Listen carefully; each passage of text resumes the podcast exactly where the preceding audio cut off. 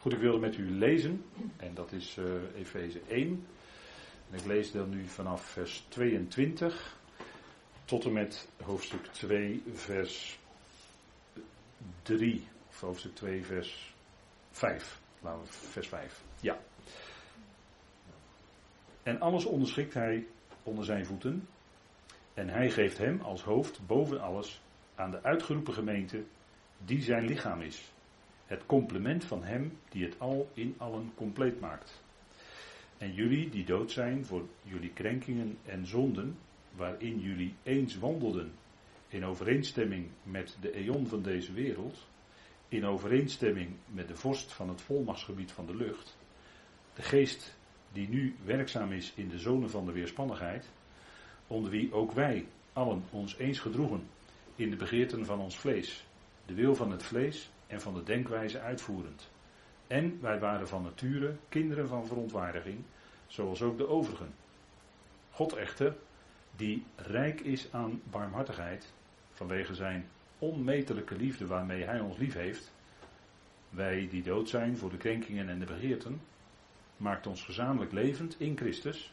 In genade zijn jullie geredden. Tot zover. En we kijken met elkaar naar dat einde van hoofdstuk 1 nog even. En we waren de vorige keer, hadden we deze vraag aan het einde van de avond gesteld. En daar hadden we ook een deelantwoord al op gegeven. Waar wacht Christus op? Waarom is zijn gezeten zijn aan Gods rechterhand nog niet beëindigd? Waarom is de tijd van zijn regeren op aarde daarboven en daarboven nog niet aangebroken? Dat zijn vragen die je als gelovige zomaar zou kunnen stellen in deze tijd, waarin het kwaad en het zonde toeneemt, waarin het allemaal opstapelt. En we hebben de vorige keer gezien, het antwoord is op die vragen. Het boze of het kwaad is nog in ontwikkeling. Het moet nog uitrijpen. Duisternis zal toenemen met alle vorm van godsvrucht, die wel de mens Jezus laat gelden, maar de gekruisigde en opgestane Christus als de Zoon van God verwerpt. En dat is een hele volzin, maar we leven in de tijd waarin het is de tegenwoordige boze eon, zoals Paulus dat zegt in de Galatenbrief, waarin de boze of de tegenstander of de diabolos, de dooreenwerper, grote macht heeft. Zoals ook in vers 2 staat wat we gelezen hebben.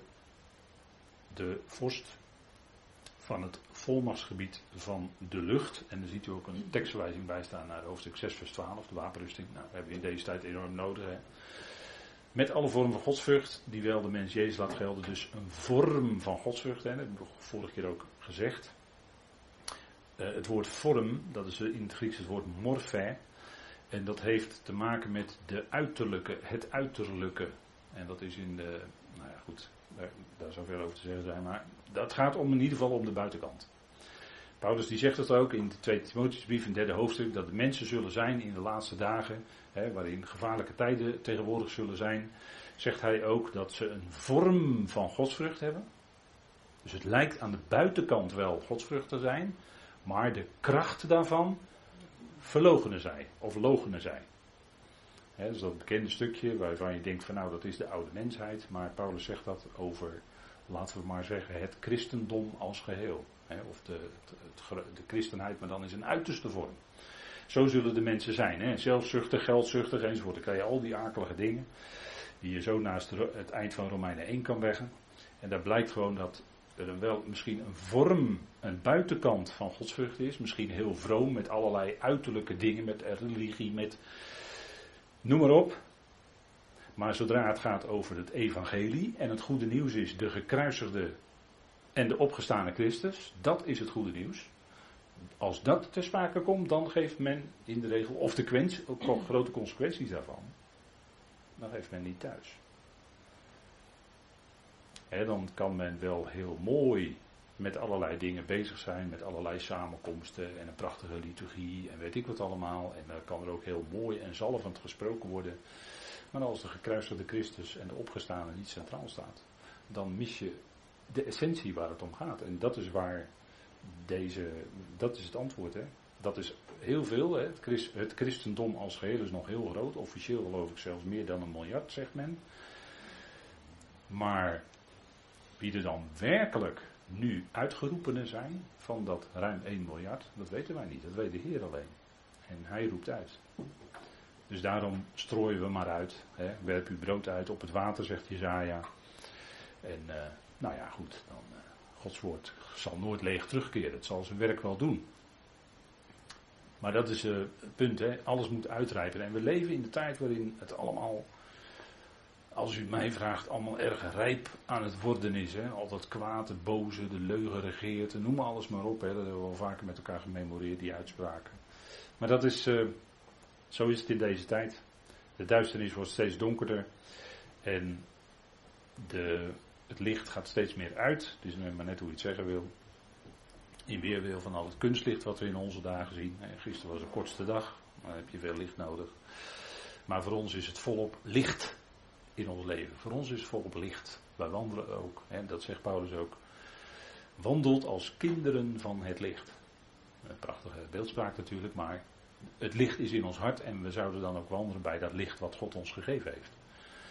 En die duisternis die gaat wel verdreven worden natuurlijk, want daar gaat natuurlijk wel een keer een eind aan komen. Maar eerst moet het helemaal uitrijpen. Net zoals tegen Abraham ook gezegd wordt, dat het zoveel jaar zou duren. Want eerst moest de ongerechtigheid van de Amorieten vol worden, weet u nog wel? Eind van Genesis 15 wordt dat gezegd. Dus God wacht, laten we zeggen hij wacht tot het juiste moment, tot alles is uitgerijpt. En dan grijpt hij in. En dan is het ook hoogtijd, maar dan is het ook de juiste tijd. Het is altijd, Gods tijd is altijd de juiste tijd. Hè. Dat is heel makkelijk voor ons. Als het Gods tijd is, dan is het ook de juiste tijd. En dan is het ook gelijk raak. En dan is het goed raak hoor. Lees je maar openbaring 18 en 19, wat we behandeld hebben, de val van Babylon. En dan gaat het heel snel, in hele korte tijd, maar dan is het goed raak. Dan is het gelijk helemaal over en uit. En daar gaan we naartoe en dat is natuurlijk heel fijn. Maar wij, wij hebben een eerdere verwachting, dan hebben we in Efeze 1 vers 12 gelezen. Hè, jullie die een voorverwachting hebben in de Christus, dus een voorverwachting ten opzichte van Israël hebben we toen gezien. Heel duidelijk die lijntjes weer even uit elkaar houden. Hè. En dat is eerder dan Israël. Wij hebben een eerdere verwachting dan Israël. De bazuin. En voor Israël is het als hij zijn voeten zet op de Olijfberg. En daar zit minimaal zeven jaar tussen. Dat is de, de, laatste jaarweek van Daniel. Hè die moet nog eh, in vervulling gaan. Tweede punt, het tweede antwoord is, het beheer van de genade van God is nog niet voorbij. Hè, want dat is natuurlijk ook wat speelt. Hè. De duisternis en het kwaad moet rijpen, maar het beheer van de genade van God, die moet eerst ten einde komen. Alle leden moeten eerst geroepen zijn. En pas als het laatste lid geroepen is, pas dan gaat het bazuin klinken. Nou, wij kijken ernaar uit. De Heer kijkt er naar uit. Uh, ik denk dat, uh, nou, ik zou bijna willen zeggen, ja, alle leden van het lichaam van Christus kijken naar uit, maar daar denk ik soms wel eens. Ik weet niet. Maar goed, we kijken naar uit en alle leden moeten eerst geroepen zijn, het aantal moet vol zijn. En dan hebben we weer die, dat puzzelstukje, die laatste moet even ingelegd worden. Hè. Dat zijn misschien uh, ja, een puzzel van ik weet niet hoeveel stukjes, maar de laatste moet erbij. En dan past het precies, dan is het complement daar. Het complement van Christus, want hij moet eerst gecompleteerd worden met zijn lichaam. Hè, wij zijn ook zijn complement. En pas dan kunnen wij en hij vol die hemelse bediening, zoals we dat dan noemen, ingaan om die hemelingen ook tot onderschikking aan de Christus te brengen. En dat is uh, natuurlijk een geweldige roeping, een hoge roeping. En zegt u, waarom heb ik dat nou verdiend? Ja, nee, nergens aan, maar God roept. God kiest uit, het is genade. En dat, dat blijven we natuurlijk herhalen, want dat is de grondtoon nou eenmaal van het evangelie van Paulus. Dat is genade. Op basis van het kruis. En ja, dat, dat is, het is niet anders dan dat. Het is niet anders. En, en we zijn daar blij mee. En dat blijven we ook. Want ja, we blijven die vinger bij Gods woord houden. Van wat staat daar precies? net zoals de Jood dat ook doet met het jatje, weet u wel. Zo dat vingertje zo erbij. Maar wat staat daar nou? En daar, daar uit leren en daar ook uit leven. dat is natuurlijk ook ja, en steeds doorgaan ermee. De Jood is steeds aan het lernen, hè, zo noemen ze dat, aan het lernen. En wij zijn dat in zekere zin ook. We zijn steeds aan het leren, steeds die woorden van God tot ons nemen en steeds een stukje verder daarmee komen en ook daaruit leren leven. want ook leven uit genade is niet zo eenvoudig. Want zo snel wil je het zelf weer doen. Zo snel wil je zelf weer. Nee, het is genade. En dat blijft altijd zo. Dat is heerlijk. En daar leven we bij. Maar eerst moet dat aantal, het beheer van de genade van God, moet eerst afgelopen zijn. En dan hebben we nog heel even de dag van de mens. En dan begint al de dag van de Heer. Dus dat loopt heel, nog, heel even nog gelijk. En dan loopt die dag van de mens af als die wetteloze, als die van het toneel moet verdwijnen. Als de Heer komt en met de adem van zijn mond, of met wat hij zegt, die wetteloze, die, of zo wil, de antichrist uitschakelt. En uh, die worden dan in de poel des vuurs uh, geworpen. Kijk, het biedt een geweldig uitzicht. En daarom zijn als mensen op vakantie gaan, heb je van die mensen die gaan altijd in uh, Oostenrijk of Zwitserland of wat dan ook op vakantie. Want daar heb je prachtige bergen. En dat is ook zo. Dan heb je prachtige uitzichten. Hè. Dit, uh, hier kun je ook. In, uh, daar zie je zo beneden zo, zo'n plaatsje liggen. Als je bovenop zo'n berg geklommen bent. En ja, dat is prachtig. Dan heb je groot uitzicht. Dat hadden de profeten ook. En het hoogste uitzicht, de hoogste bergtoppen. Nou, die mogen we dan samen met Paulus beklimmen, om het zo maar te zeggen. Ja, dan hebben we een geweldig uitzicht. Dan heb je eigenlijk het beste uitzicht over het begin en het einde. Hè. Verder dan het begin van de eonen en verder ook dan het einde van de eonen zelfs. Dus dan heb je enorm verrijkend uitzicht. En dat is wijs, dat is groots. Als je dat, als God het je geeft, dat je dat uh, gaat leren kennen, dan is dat bijzonder. Kijk, wat Efeze 1 in feite duidelijk maakt, wie daar naar voren komen, dat is natuurlijk allereerst God. De beschikken, hè, we zeggen de plaatser, maar je kan ook zeggen de beschikken. Of de oorsprong van al wat is en gebeurt. Het is allemaal uit hem.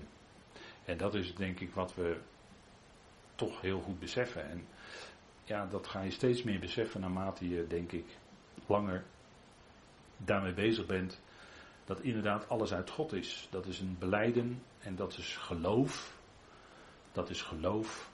En, en dat is iets wat God je geeft. Hè, dat je dat kunt zien, ja, dat is uit God. En dat is niet alleen als we kijken hoog op zo'n bergtop naar dat grote plan van tijdperken, van eonen, maar dat is ook als je in je persoonlijke leven, als je daarin kijkt wat daarin gebeurt, hoe is het nou allemaal begonnen, waar ben ik nu, dan uiteindelijk, ten diepste is dat toch uit God. Nee, kunnen we niet zeggen dat is, uit ons, uh, dat is zomaar door onszelf allemaal geregeld. Nee, ten diepste is dat door God zo bepaald. Hè? Hij is de oorsprong. En uiteindelijk zal alles ook terugkeren naar die oorsprong. Hè? Zoals dat uh, naar het begin, begin, oorsprong. En Christus, dat is het tweede, die alles uitvoert. Hè, die komt ook in die naar voren. Hij geeft hem als hoofd boven alles aan de uitgeroepen gemeente. Christus, dat is de grote uitvoerder van Gods plan dat plan van Ionen voert hij uit in Christus Jezus, staat er in uh, Efeze 3. En die doet alles namens God. God heeft bijvoorbeeld al het gericht aan de zoon gegeven. En de zoon maakt ook levend wie hij wil. Dat zijn zo'n aantal highlights hè, als het gaat over Christus. En hij is gesteld als hoofd boven alles. En het bijzondere is dat hier ook staat, hij geeft hem, God geeft hem als hoofd boven alles aan de uitgeroepen gemeente. Dus de hoogste boven alles uit, die is aan ons als leden gegeven als hoofd. Dat is nogal wat hoor. Dat is nogal een status die we dan toch. Dan zegt u van mezelf ben ik onwaardig. Ja, maar toch bent u lid van het lichaam van Christus. Toch bent u zoon. En dat is toch wel heel bijzonder, denk ik, als je dat beseft. Zoon wil zeggen dat je ingezet wordt, dat je door God geroepen bent. En dan draag je op een gegeven moment, hè, de zoon draagt de kenmerken ook van de vader. Dat is ook wat zoon inhoudt, hè, de vader en de zoon. De zoon, in de zoon zie je wie de vader is. En het is mooi als die vrucht van de geest in je leven zich vormt. Want dan kunnen mensen ook in jouw leven iets van de vader zien. Dat is denk ik ook wel bijzonder als dat gebeurt. Hè? Dat je die liefde en die genade kan betonen aan anderen door de geest. En dat is iets van de Vader die dan, wat dan zichtbaar wordt. En dat zei de Heer ook toen hij met zijn discipelen was in die opperzaal. Want toen werd aan hem gevraagd, hè, toon ons de Vader. Toen zei eh, de Heer, ja, als u mij gezien hebt, als u mij ziet, zie je de Vader. En dat was heel, even heel kort gezegd, maar zo was het wel natuurlijk. Hè. In hem zien wij wie de Vader is. En daarvoor is hij ook bedoeld als beeld van God. Als, en het lichaam is ook het complement van Christus. Hè. Hij is compleet als hij met zijn hele lichaam straks boven verenigd is. Dan is het pas compleet. Dan is hij pas compleet. En dan mogen wij samen met hem werken om het al compleet te maken. Dus wat nog ontbreekt, dat vullen wij dan aan totdat het vol is geworden, totdat het compleet is. En dat heeft natuurlijk te maken met verzoening. Wat, heeft die, wat hebben die hemelingen nodig? De boodschap van vrede en verzoening. Dat ontbreekt daar. Dat hebben ze nodig. En ze, ze kijken nu al met, met belangstelling naar ons. En boodschappers die berichten ook over die veelvuldige wijsheid. Die nu al verkondigd wordt door het lichaam van Christus. De veelvuldige wijsheid van God door zijn kruisiging en opstanding. Verzoening. Die hemelingen die kijken daar nu al naar. We zijn een theater. Hè? We zijn een, uh, het Griekse woord theatron wordt dan gebruikt. Dan moet u denken aan zo'n amfitheater. En dat is het beeld dat Paulus dan gebruikt. Zo kijken die hemelingen naar dat lichaam van Christus. Want dat is iets heel bijzonders, ook voor die hemelingen, omdat het een geestelijk gebeuren is. Geestelijke dingen worden bekendgemaakt in de prediking, in het onderricht. En dat is ook voor de hemelingen juist, ook nu al een verkondiging. Hè? Omdat nu al, van nu af aan, zegt Paulus in, eh, in Efeze 3, die veelvuldige wijsheid van God bekendgemaakt wordt. Aan wie? Nou, aan die hemelse machten en krachten. Dus dat is nu al, hè. moeten we ons ook bewust zijn. En straks natuurlijk in volheid. Als wij samen met de Heer, al die gelovigen, samen met de Heer, dat gaan rondbazuinen, om het zo maar te zeggen. Hè, aan, die, aan die hemelse machten en krachten. En dat is dus tot, en dat is punt 4, tot completering van het voorbestemde al. Dus dat al, het al, is voorbestemd om ook compleet gemaakt te worden. En de instrumenten daarvoor zijn de Heer en wij. En ook natuurlijk op aarde Israël. Maar hier, specifiek in deze verse van de Efezebrief, wordt dit genoemd. Hè? Dus dat geeft een geweldig uitzicht. En dat doet ons ook beseffen, hè, want wat hier doorheen klinkt ook, dat het al is uit hem en door hem en zal ook tot hem zijn, hè, naar binnen hem. Dat wil zeggen, het zal ook bij hem terechtkomen. Je keert terug naar je oorsprong, wordt er dan wel eens gezegd. En dat is natuurlijk ook zo. Hè. Het was allemaal uit hem, om uiteindelijk allemaal naar hem terug te keren. Maar dat is nadat de grote lessen, zomaar, om het zo maar te zeggen, van de eonen geleerd zijn. Want daarvoor was Gods plan van eonen bedoeld. Om te leren wie Hij is. Om te ontdekken wie God is. En dat kan alleen maar, kon kennelijk alleen maar via de weg van, ja, duisternis, zonde, kwaad, lijden. Om dan te kunnen beseffen wat die heerlijkheid is. En hoe groot en heerlijk God is. door tegenstellingen leren wij. Haat en liefde staan tegenover elkaar. Zonde en gerechtigheid staan tegenover elkaar. Licht en duisternis. Nou, zo kun je natuurlijk nog een heleboel dingen aanvullen. Kwaad en goed. En uiteindelijk komt het allemaal uit God voort. Die is de schepper van het al door Christus. En uiteindelijk komt alles ook weer bij hem terug. dit, dit, zijn versen die zou je ook zo kunnen naast Colossense 1 kunnen leggen. Colossense 1, die machtige versen van, eh, laten we maar zeggen, 13 tot en met 21. Nou, dat, dat lees je hier in Efeze 1 in feite ook terug. Nou, dat is denk ik een geweldig uitzicht hè, wat we hier hebben. En ja, het is goed om daar bij stil te staan. Want als je op vakantie bent en je bent in zo'n vakantieland, dan uh, moet je echt genieten van zo'n uitzicht. Dan moet je echt met volle teugen, moet je even op een bankje gaan zitten, eens even kijken om je heen. dat is prachtig, prachtig. En dat doen we ook met Efezebrieven. Dan kunt u steeds weer kunt u dat terugzoeken en dan bent u weer even, als het ware, op de bergtop. En dat is gewoon heel fijn en bemoedigend en krachtgevend en ja, noem alles maar op. Hè. Gaan we naar het volgende hoofdstuk, hoofdstuk 2. Dat is alleen maar een menselijke indeling natuurlijk. Paulus gaat verder in de tekst.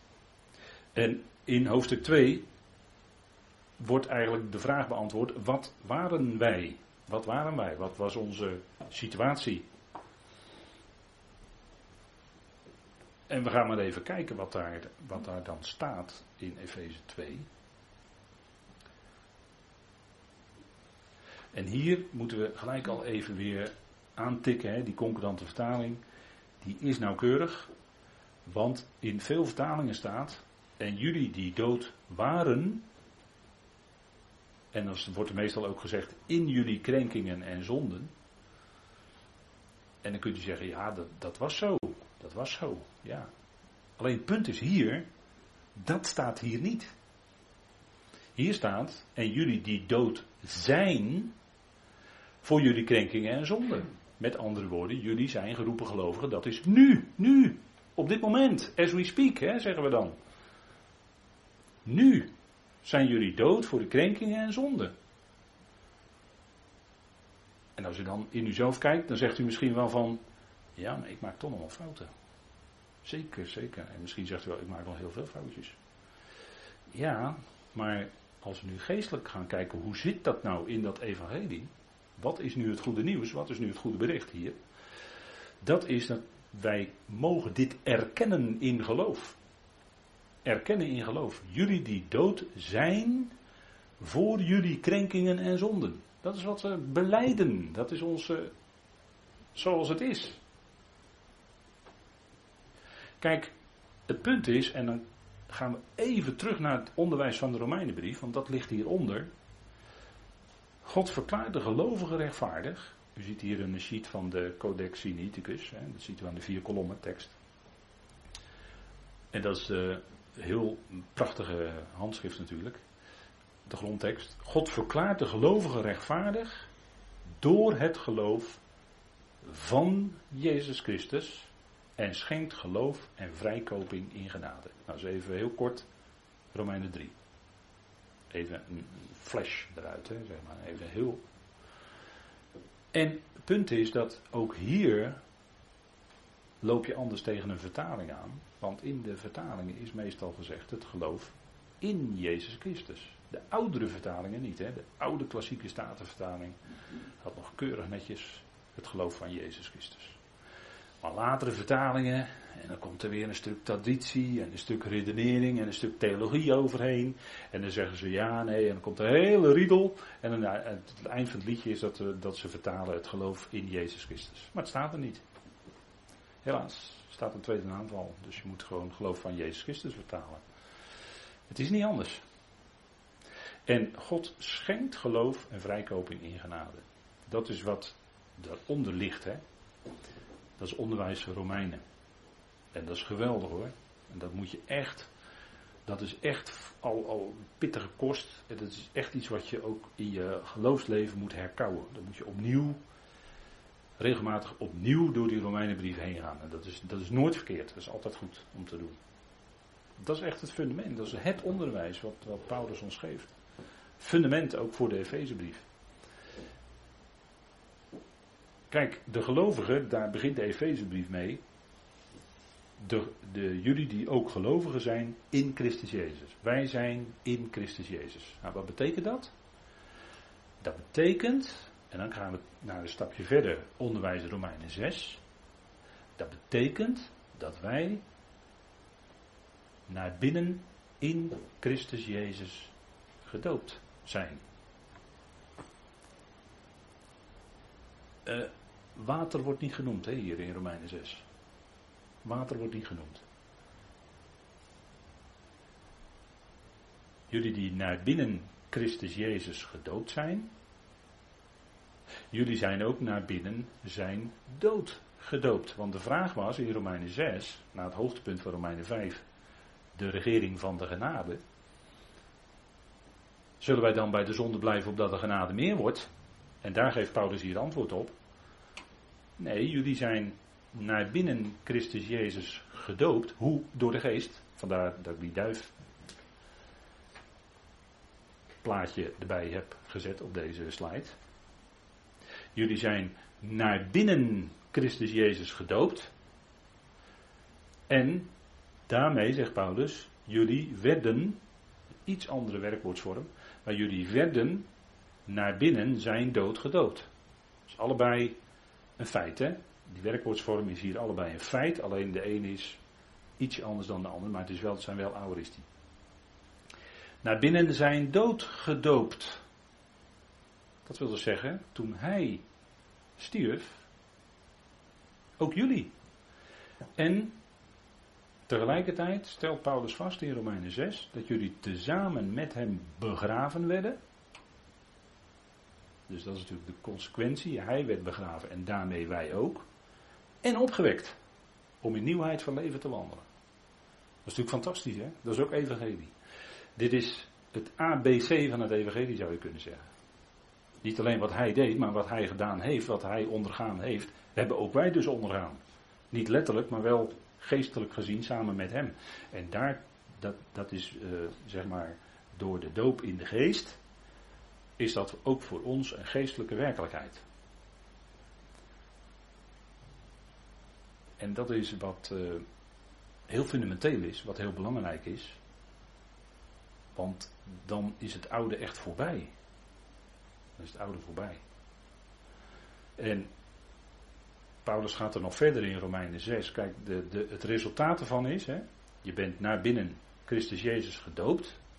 Hè, die beweging is naar binnen hem gedoopt zijn. En het resultaat is dus, want je bent naar binnen hem gegaan, om het zo maar te zeggen. Het resultaat is dat je in Christus Jezus bent. Vandaar dat de Efezebrief ook vast kan stellen. Jullie zijn gelovigen in Christus Jezus. Dat is je geestelijke status, je geestelijke positie. En daar zouden wij mee rekenen, want dat is het vervolg natuurlijk van de Romeinenbrief. En dat is heel belangrijk voor onze praktijk, voor onze wandel. Daarmee rekenen. Logizomai, hè, daarmee rekenen, zegt Paulus. We zijn ook begraven, met hem begraven en opgewekt. Niet letterlijk, maar wel figuurlijk. Om in nieuwheid van leven te wandelen. Dus onze levenswandel ondergaat daardoor een radicale verandering. En het punt is, wat Paulus nog meer zegt in Romeinen 6 is, zij die in Christus Jezus zijn, die zijn één, één geworden met Christus, door de doop in de geest. In één geest zijn we allen naar binnen in het ene lichaam gedoopt en dus ook in Christus Jezus. Die zijn één geworden met Christus. En punt 2, en dat is, heb ik even gecursiveerd, omdat dat met Efeze 2 vers 1 veel te maken heeft vandaag. Die delen in de gelijkenis van zijn dood en opstanding. De gelijkenis van, hè, dat wil dus niet zeggen identiek. Want identiek zou zijn als wij ook letterlijk gekruisigd zouden zijn. Dan is het identiek. Maar dit is de gelijkenis van zijn dood en opstanding. Paulus gebruikt dan het beeld van dat wij samen één plant met hem geworden zijn. Hè? Samen met zijn dood vergroeien, als het ware. Hè? Eén plant geworden, dat is het beeld wat hij daar gebruikt. Met zijn dood en opstanding. En wij ontvingen geestelijk leven identiek aan het zijn. Dat is wel identiek, want dat is wel diezelfde geest. Dat is dezelfde geest. Dus daarvan mag je wel zeggen dat is wel identiek. Dat is de geest van Christus in ons. Dat, is, dat zijn drie hele belangrijke, hele fundamentele punten, feiten, en daar zouden wij ook mee rekenen. En wij delen dus in de gelijkenis van zijn dood en opstanding. Dat is, dat is denk ik voor u misschien, zegt u ja, dat is bekend onderwijs, maar het is altijd goed om dat te herhalen hoor. Romeinen 6 is heel belangrijk. Heel fundamenteel. En wat zegt Paulus dan nog meer in Romeinen 6? Want wie gestorven is, is gerechtvaardigd van de zonde.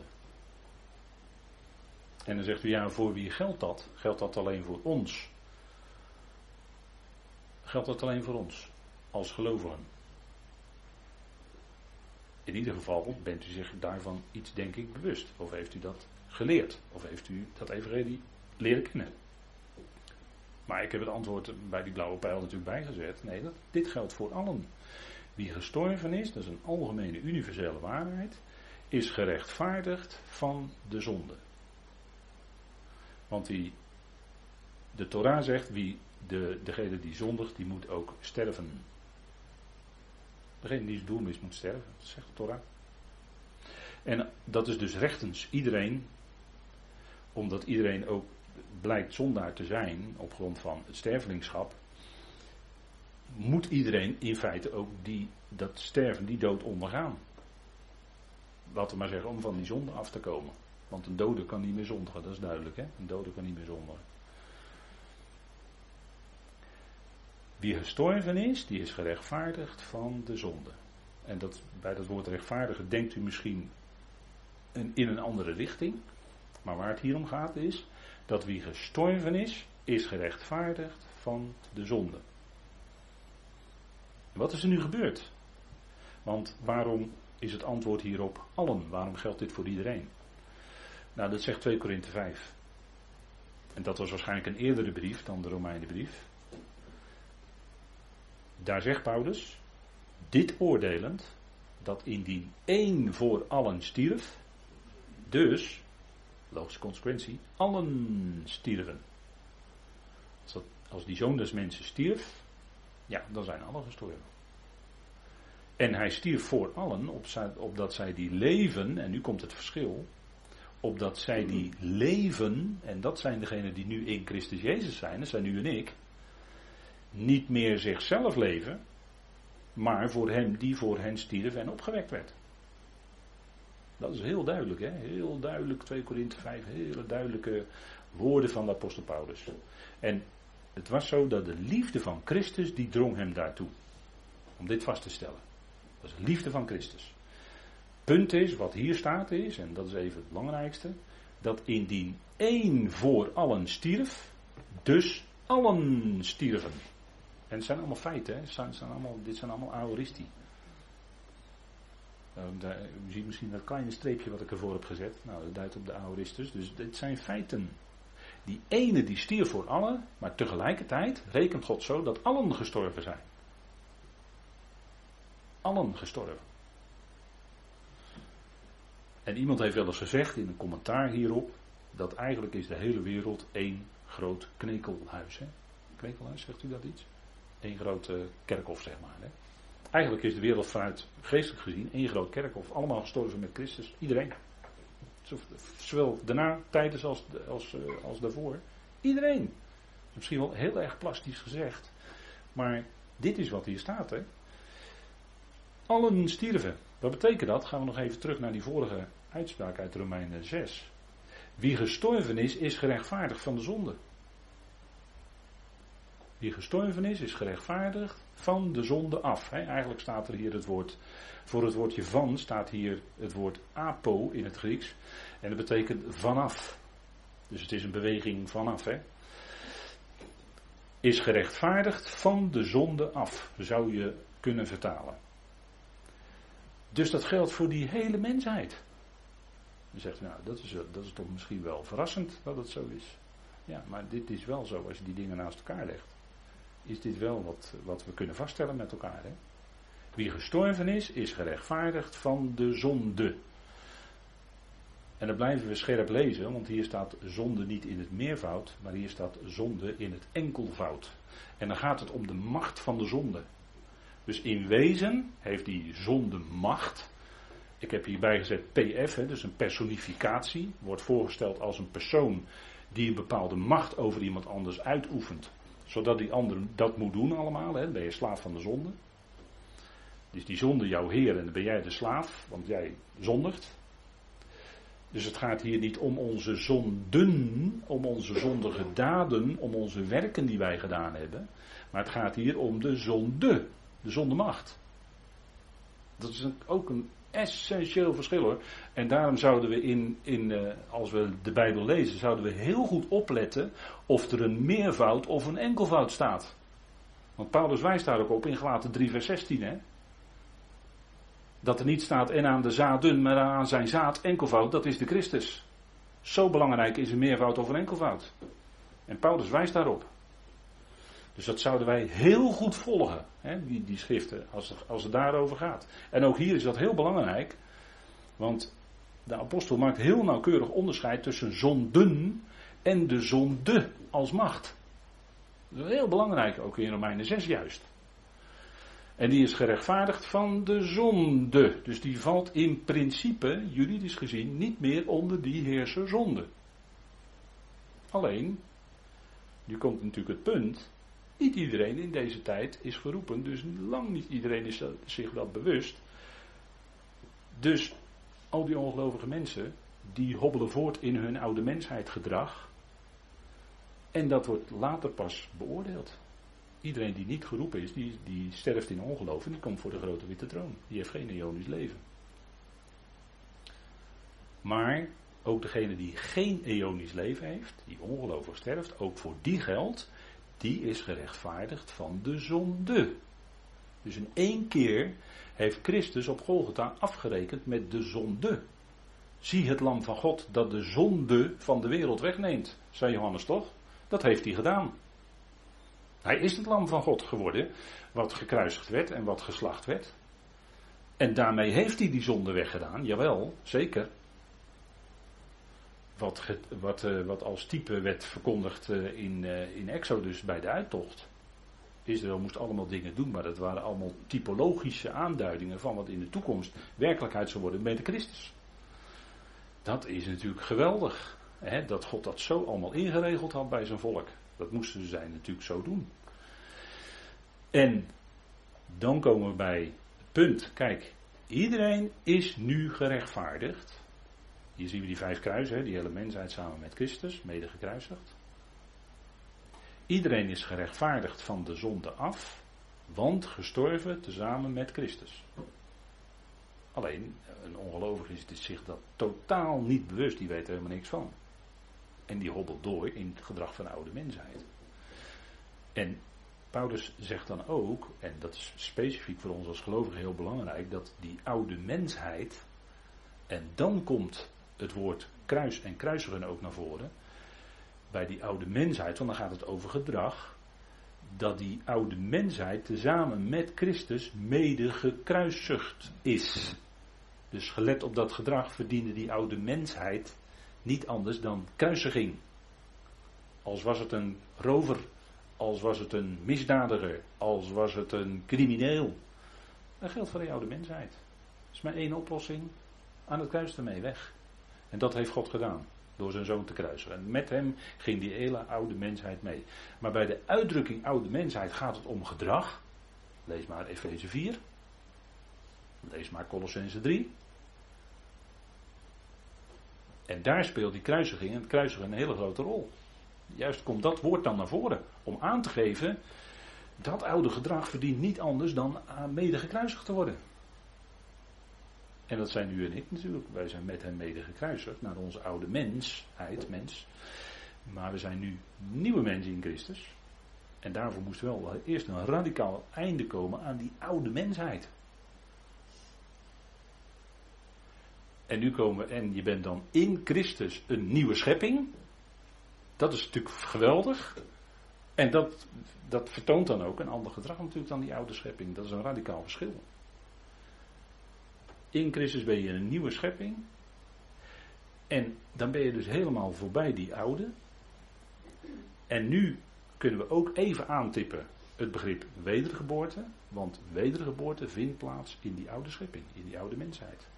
Daar vindt wedergeboorte plaats. Niet in de nieuwe schepping, daar heb je geen wedergeboorte. Vandaar dat er totaal verschillende grootheden zijn. Er wordt vaak op één hoop gegooid, met elkaar verbonden. En dan komen er hele mooie theologische volzinnen die wedergeboorte aan een nieuwe schepping koppelen. Kan niet hoor. Kan niet. Als je de schrift erop naslaat, moet je dat scherp uit elkaar houden. Wedergeboorte gebeurt in de oude schepping aan Israël. Pas als er een nieuwe schepping is, ja, dan is alles radicaal anders. Maar dan, ben je ook, dan is wedergeboorte al helemaal niet meer in vraag, is helemaal niet meer relevant dan. Dat, dat zijn heel verschillende grootheden hoor. Daar staat dus het kruis tussen.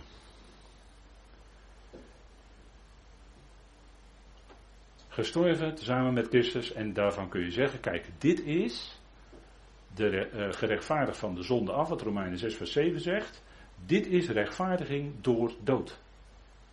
Dus volkomen rechtens dat de zondaar sterft. Voorkomen terecht. En dan is het ook voorbij. En over die doden heeft de wet bijvoorbeeld geen jurisdictie meer. Want de wet is alleen maar voor levende mensen. In een oude ikkie. Daarvoor is de wet gegeven. Maar tegen een dode is die wet totaal niet meer van toepassing. Daar ben je daarna voorbij. Dat is ook rechtens. Hè? Dat is ook volgens de Torah zelf hoor, wat ik nu zeg. Dat is volkomen terecht.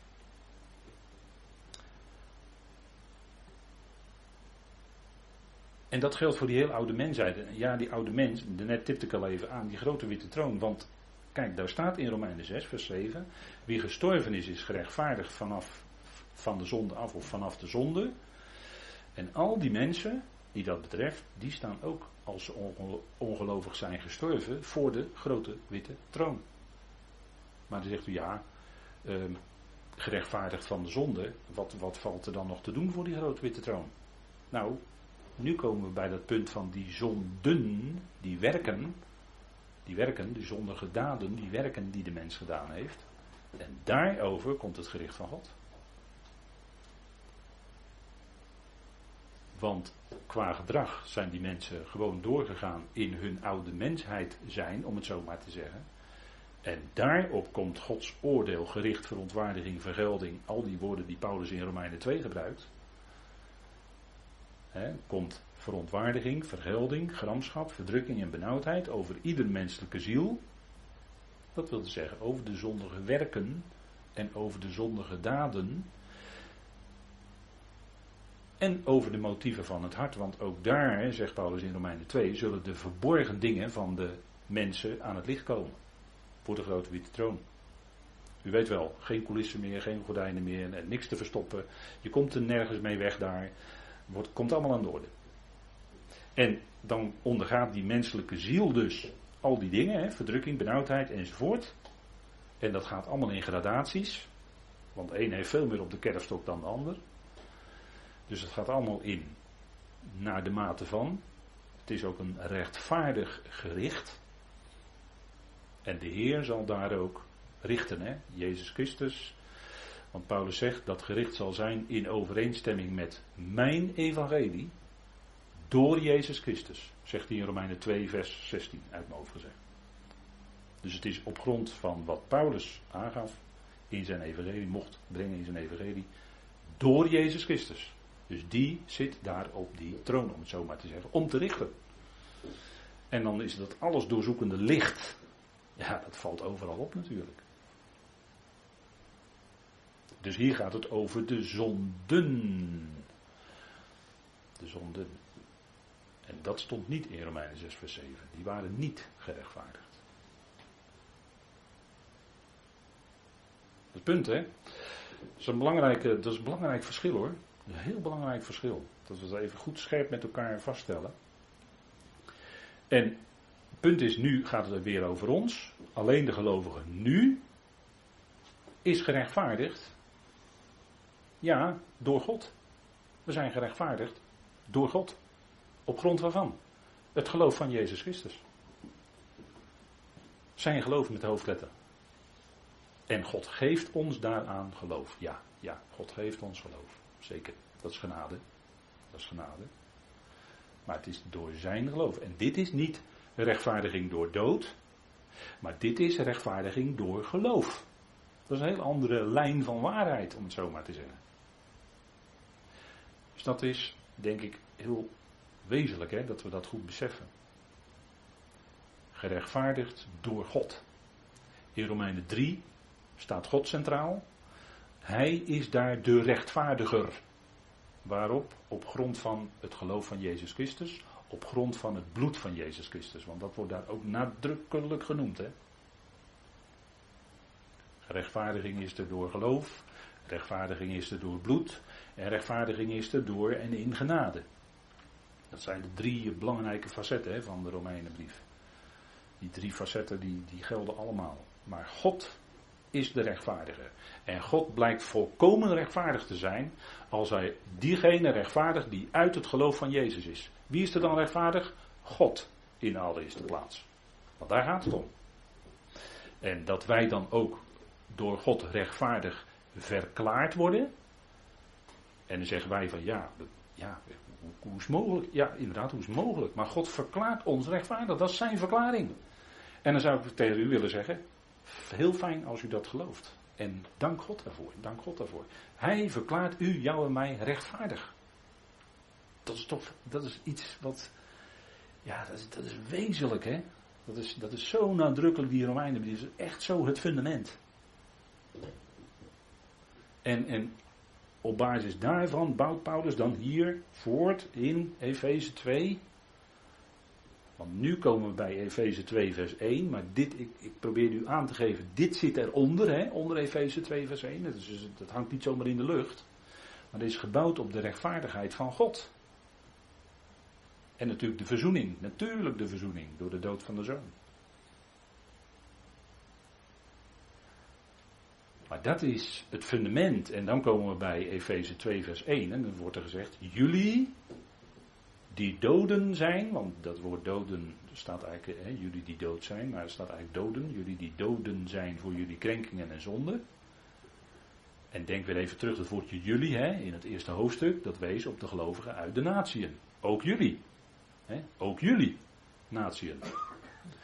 En in Efeze 2, vers 5, als laatste voor de pauze. In Efeze 2, vers 5 wordt dat dan gezegd van Israël, want daar wordt gewijzigd naar wij. Tussen haakjes stond dat, hè?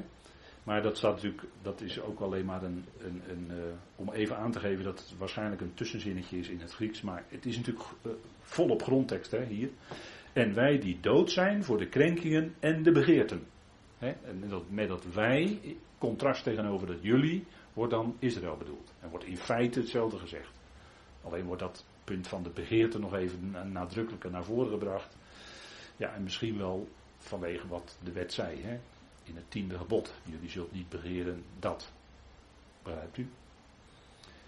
En er worden al die dingen genoemd. En Paulus zei dan, ik zou niet weten hebben van, ik zou niet geweten hebben van de begeerte als niet de, het gebod zei, je zult niet begeren. He, zegt hier Romeinen 7 toch? Dat gebod maakt dat juist duidelijk.